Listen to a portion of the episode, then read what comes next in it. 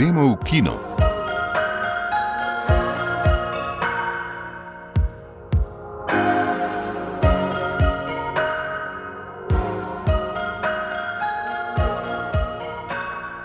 Drage poslušalke, dragi poslušalci, lepo pozdravljeni. Najstarejši filmski festival na svetu, Beneška Mostra, se je s podelitvijo nagrad končal prejšnji konec tedna.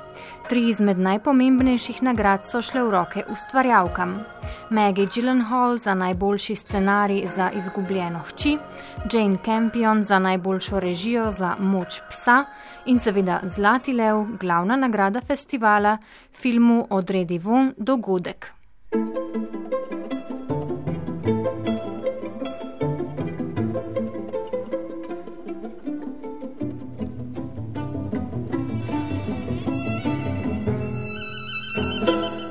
Odločitev glavne beneške žirije, ki je predsedoval z Oskarjem nagrajeni južnokorejski režiser Bong Joon-ho za zmagovalni film 78. beneške filmske mostre, je bila presenečenje, ki ga je le malo kdo pričakoval. Zato jo bomo postavili v kontekst z našim novinarjem Urbanom Tarmanom, ki je festival spremljal.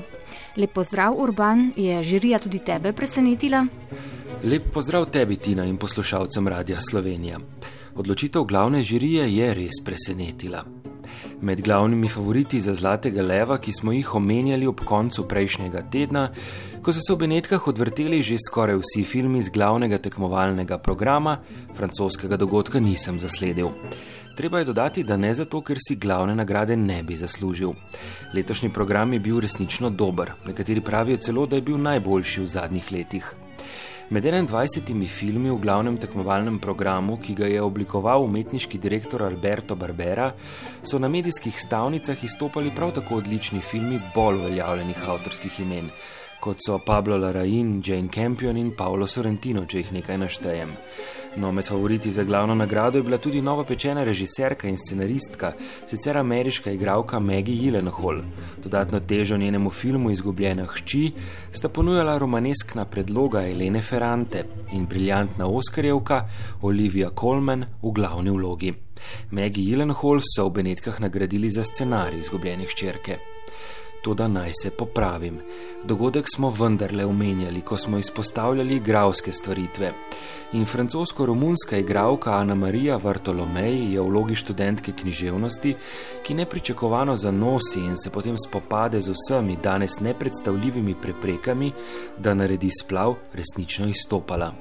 Mediji smo ugibali, da je Ana Marija Vartolomej v igri za najboljšo žensko vlogo, ki jo je potem prejela Penelope Cruz za vlogo Almodovarjevem filmu Usporedni materi, ali za nagrado Marčela Mastrojanija za najboljšega mladega igralca ali igralko.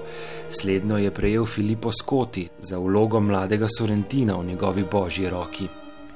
Zanima me še nekaj, ali lahko dejstvo, da je žirija kar nekaj glavnih nagrad Zlatega leva za dogodek in Srebrnega leva za najboljšo režijo Jane Campion za film Moč psa, pa tudi nagrado za scenarij filmu Izgubljena hči Maggie Gyllenhaal, namenila ženskam, razumemo kot nekakšno gesto upora za stareli spolni politiki festivala, seksizmu, ki ga nekateri očitajo umetniškemu direktorju Albertu Barberi. Ta interpretacija je smiselna.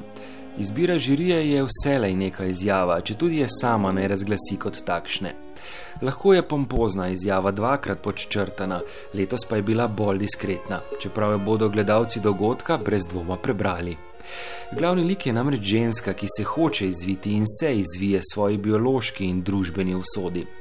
Ob regresivnih dogodkih, tokrat z malo začetnico, denimo v Teksasu in pred kratkim na Polskem, je dogodek, čeprav se dogaja v 60-ih letih prejšnjega stoletja, žal znova aktualen film, o katerem bomo še govorili.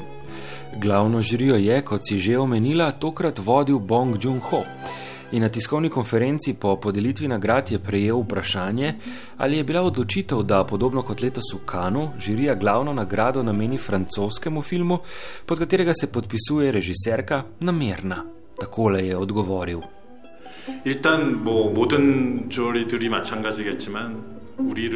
Vsi člani žirije smo občutili enako. Najpomembnejša sta za nas lepota filmskega ustvarjanja in to, kar se nas dotakne. Če pogledamo nagrajene filme, se pokaže, da jih je ustvarilo veliko žensk, kar je dobro. 결과적으로 그렇게 된 거는 되게 기쁜 일이었던 것 같아요. Bong Joon-ho je bil precej diplomatski, kot smo slišali. Nekoliko bolj konkretna je bila ameriška režiserka kitajskih korenin Chloe Zhao, prav tako članica žirije in lanskoletna prejemnica Zlatega leva za deželo nomadov. Uh, Vsakega od nas žirantov sta film in njegova ustvarjalka pritegnila na svoj način.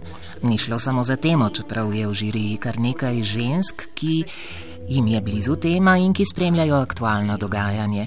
Tudi, če to postavimo v oklepaj, gre za lepoto filma, režije in igre in vse to se sestavi v celoto, ki je film. Zato je bila odločitev za dogodek soglasna.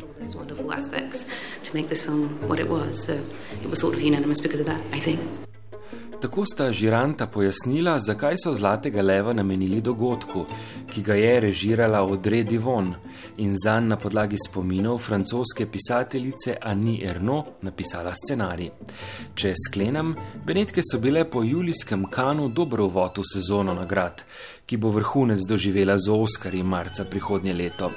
In kot nas učijo pretekla leta, bodo v igri gotovo tudi filmi, ki v Benetkah niso nujno tekmovali za nagrade. V mislih imam Dune, peščeni planet, Denija Vilneva in zadnji dvoboj Ridlija Scotta, a naj bo za danes to dovolj. Urban, najlepša hvala.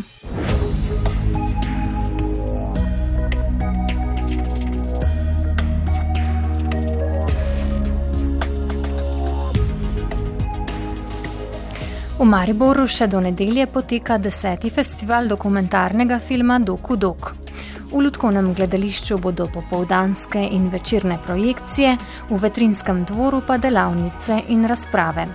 Za naziv najboljši slovenski dokumentarec se poteguje 14 filmov.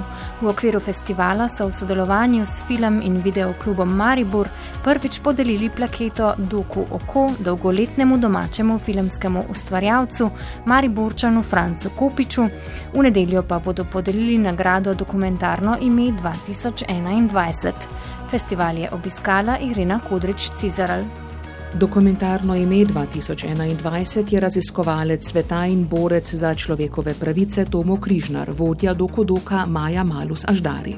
Tomo Križnar se v današnjem času, ko ne vemo več, kaj je res in kaj ni res, zasluži pozicijo pripoznavanja in uh, umeščenosti v nek medijski svet, da ga slišimo, ker govori nekaj, kar mi že ne želimo slišati. Zato tudi naš festival opozarja na, na to vrstne avtorje.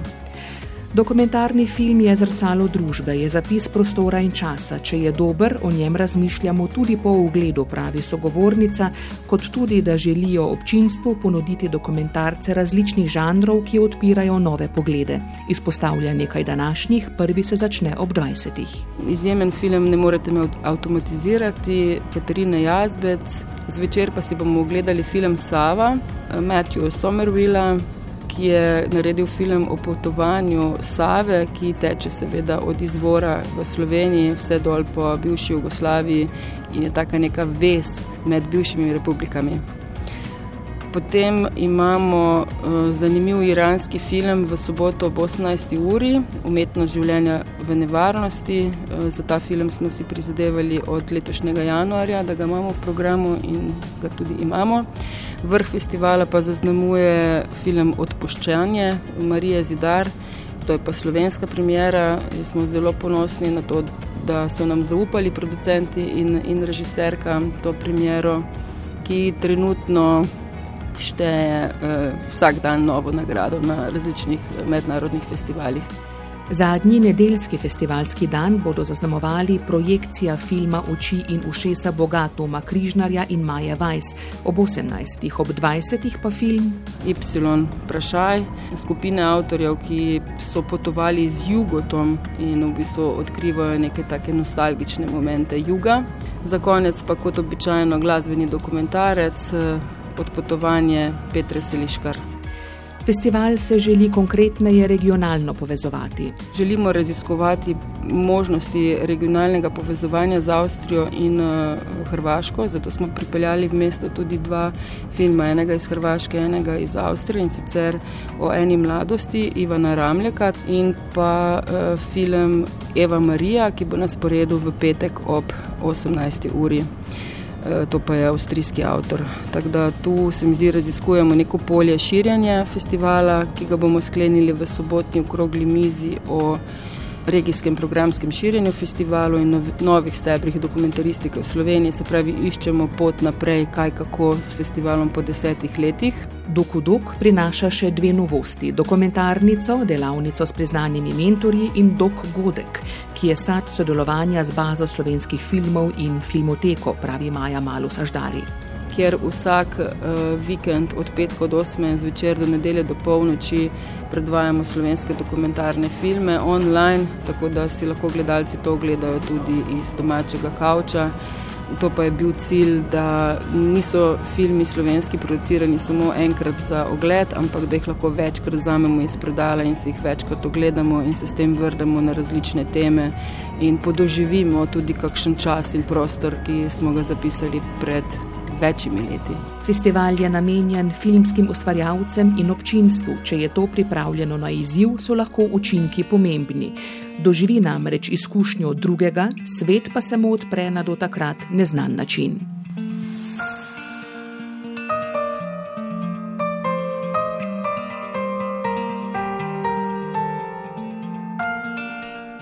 Danes se v slovenski kinoteki začenja festival glasbenega filma Naj se rola. Gre za drugi del festivala, ki ga je lani prekinila epidemija. Letos poteka pod geslom ikonične zgodbe na velikem platnu. Organizatori pravijo, da bodo zavrteli zgodbe o umetnikih, ki so se zapisali v zgodovino glasbe v mednarodnem in slovenskem okolju in tako pustili sled ne le v glasbi, temveč tudi v kulturi in družbi. Na zvezi pozdravljam Terenca Štaderja, pobudnika festivala in glasbenega poznavalca. Najprej me zanima, kateri so tisti glasbeni umetniki, katerih zgodbe si bomo lahko letos ogledali na velikem platnu v sklopu festivala. Pozdravljeni, hvala lepa za povabilo in za vaš interes za festival Najsjerola. Letos uh, imamo drugi del izvedbe, ki se je začela lani, ostali so nam filmi uh, večji. Začenjamo s filmom o slovenskem hip-hopu, ki je zaključni iz slovenske sekcije Feel Love, Spread Love, gre za film v letu hip-hopa, ki pripoveduje zgodbo o razvoju repa in hip-hopa v Sloveniji. Potem nadaljujemo ob 21. uri s filmom o The Clash, The Rise and Fall of The Clash, ki je edini ultimativni, definitivni film o The Clash, ki obravnava celotno zgodbo od začetka do britkega konca. V soboto bomo predstavili zgodbo o razvoju trash metala in metalike. Um, v San Franciscu ob 19. uri, ob 21.30 pa zgodbo o rock'n'roll odpadniku Johnu Dandersu. Letošnji festival Najsna Rola bomo zaključili s filmom o ustanovitelju The Rolling Stones, Brianu Jonesu, The Life and Death of Brian Jones v nedeljo zvečer ob 20. uri. To bo ta bil, pred filmom bomo pa predvajali kratek film o nastanku študijev Jimmyja Hendrixa, Electric Lady. Um, seveda bo še kakšno presenečenje, ker na najseroga je vedno kakšno uh, vsebinsko presenečenje. Zakaj pa sta po vašem mnenju glasba in film tako dobra sopotnika? Slika in zvok, zvok in slika, v bistvu dejanja in vibracija. Ko bi rekel, da je ona dva sta v bistvu dvojčka, ne, to je v bistvu del ene in iste celote, ne, to je življenje. Ne ni, ni življenja brez glasbe. Medtem ko pa film prikazuje, naj bi prikazoval življenje oziroma zgodbe, ni življenja brez glasbe. Ne, glasba je svoboda. Festival uh, Naj se rola poteka torej od danes pa do nedelje, kot že omenjeno v slovenski kinoteki v Ljubljani. Terence Štader, najlepša hvala. Hvala tudi vam.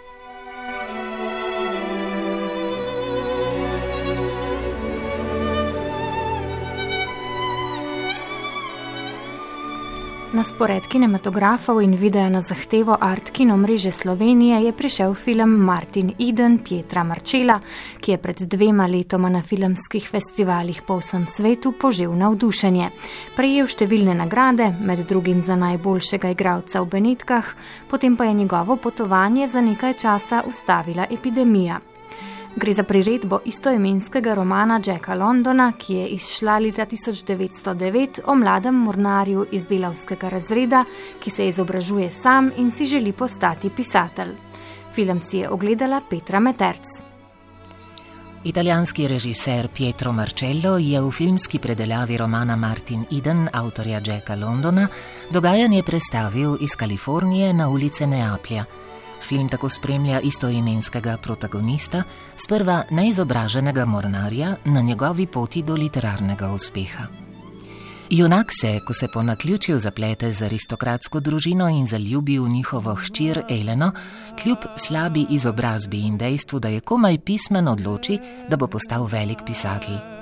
Željo spodbuja predvsem neustavljiva odločenost, da se dokaže svoje ljubezni, kar kmalo postane edino, kar se mu zdi še pomembno. Martin tako trmasto piše kratke zgodbe in jih odpošilja na naslove različnih časopisov, ti pa mu jih eno za drugo zavračajo in pošiljajo nazaj ko se po neštetih poskusih samoukemu pisatelju kar nenadoma odprejo vrata v svet novo nastale literarne zvezde, ga uspeh pahne v globoka občutja izpraznjenosti in blodnjav cinizem. Režiser filma časovno ne umesti v določeno obdobje, temveč se namenoma poigrava z anahronističnimi filmskimi podobami. Igrano pripoved kar naprej prekinjajo tako pravi kot poustvarjeni arhivski posnetki, ki ilustrirajo družbeno in politično ozadje zgodbe, ki bi ga lahko umestili kamorkoli v 20. stoletje. Včasih se zdi, da gledamo posnetke iz 20. let, spet drugič moda in glasba dajeta vtis 60. ali 70. let prejšnjega stoletja.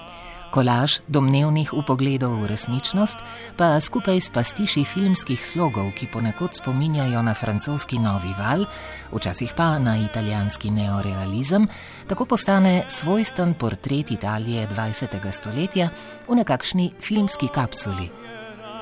Film Martin Eden je kar najbolj zanimiv prav v tej filmski formi, ki daje občutek, da junak pravzaprav živi 20. stoletje v vsej različnosti družbeno-političnih nasproti, pa tudi ponavljanjih obdobja. Manj pa je film uspešen, ko v sami pripovedi zabrede v politične teorije. Junakova pripadnost Spencerjevemu socialnemu darvinizmu, ki poveličuje individualizem proti socializmu, ki vznika v delavskem razredu, iz katerega izhaja sam, je pojasnjena površno. Njegov osebni propad pa je na koncu zveden na karikaturo prodane duše, ki je z zgodbami o revščini zadovoljila bralce višjega razreda.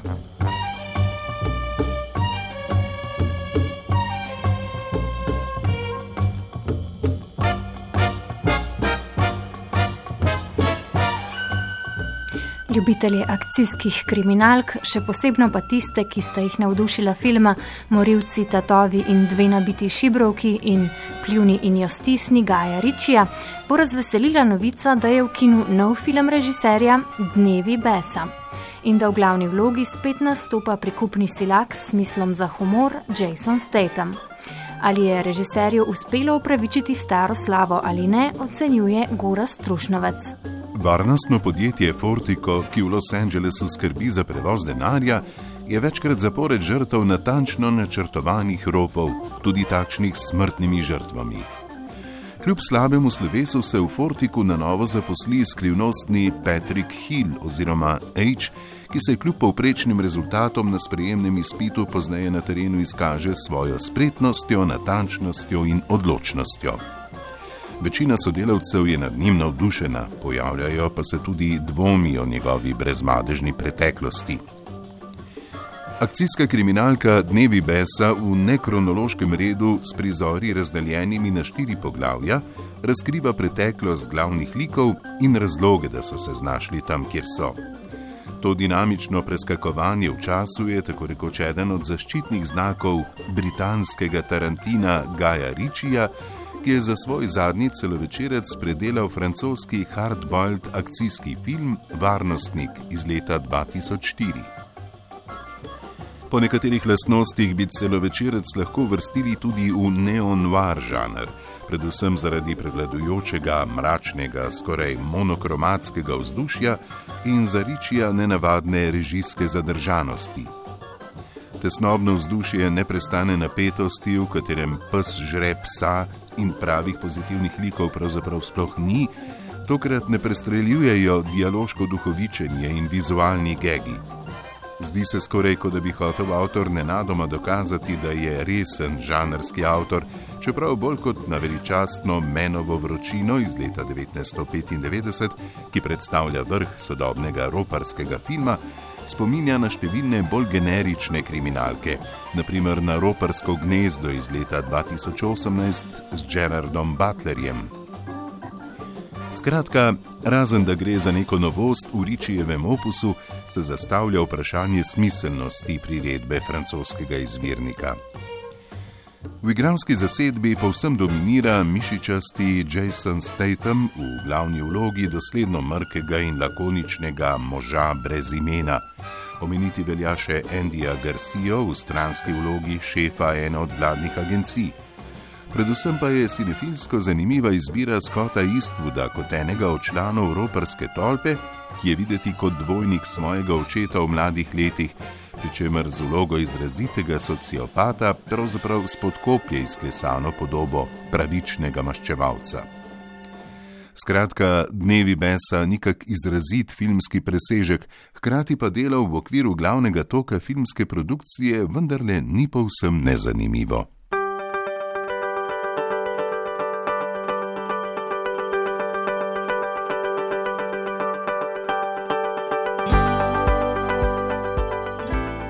V slovenski kinoteki se je v torek začela retrospektiva filmov verjetno najbolj samosvoje filmske ustvarjalke pri nas, Eme Kugler. Nekateri so jo označili za umetnico renesančnega tipa, saj svoje filme sama ne le napiše in režira, temveč jih tudi zmontira, producira in poskrbi za kostumografijo, scenografijo, rekvizite in še kaj. Ema Kugler je lani v pogovoru za naš radio povedala, kako se loteva svojih filmov, ki so pogosto postavljeni v poščavo, v njih pa so monumentalne zgradbe. Bom začela s primerom. E, naprimer, poščava. E, poš, vse poščave do sedaj smo posneli v kamnolomu Črnotiče. To pomeni, da pri e, e, filmu za konec časa smo imeli ogromne, e, ogromen green screen e, oziroma zeleno platno ki omogoča, da se potem v postprodukciji z klikom ti eh, ta zeleni del odstraniš in lahko daš drugo eh, podobo noter. Ne. Tako da ja, eh, eh tam so posneli eh, puščave, eh, potem eh, te ogromne scenografije, ki zdaj da je monumentalne, eh, pa jaz napravim sama samo do višine 4 metrov. Potem naprej je pa proces v postprodukciji, ki se imenuje uh, set extension, to pomeni, da se uh, podaljšanje scen, scenografije. Ne? To in seveda noter se dodaja pa 3D animacije. V kinoteki bodo ob prisotnosti avtorice prikazali celotno retrospektivo, trajala pa bo vse do konca leta. Znana je prejemnica Badjurove nagrade za življensko delo na področju filmske ustvarjalnosti. Prejela jo bo inovatorka in inženirka filmskega zvoka Emilija Soklič, ena prvih slovenskih profesionalnih filmskih delavk, ki je začela ustvarjati leta 1946. V utemelitvi je strokovna komisija zapisala, da je Soklič zaorala ledino v tipično moškem poklicu in da je njeno delo potekalo v ozadju filmskega ustvarjanja, zato javnosti ni bilo vidno. Sodelovala je pri nastanku prvega slovenskega igranega celovečernega filma na svoji zemlji, prvem kekcu in številnih drugih filmih. Brez njenega prispevka bi bila slovenska kinematografija bistveno siromašnejša, so še dodali. Še dobra novica za slovenski film.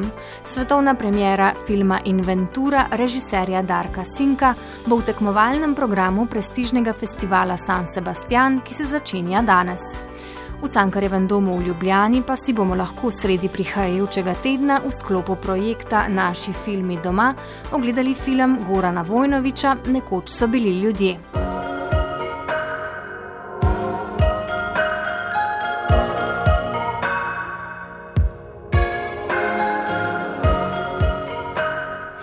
Drage poslušalke, dragi poslušalci, s tem končujemo današnjo oddajo Gremo v kino. Oblikovali smo jo Jasna Rudošek, Ivan Lotrič, Tina Ogrin, Robert Markoč in Tina Poglajen.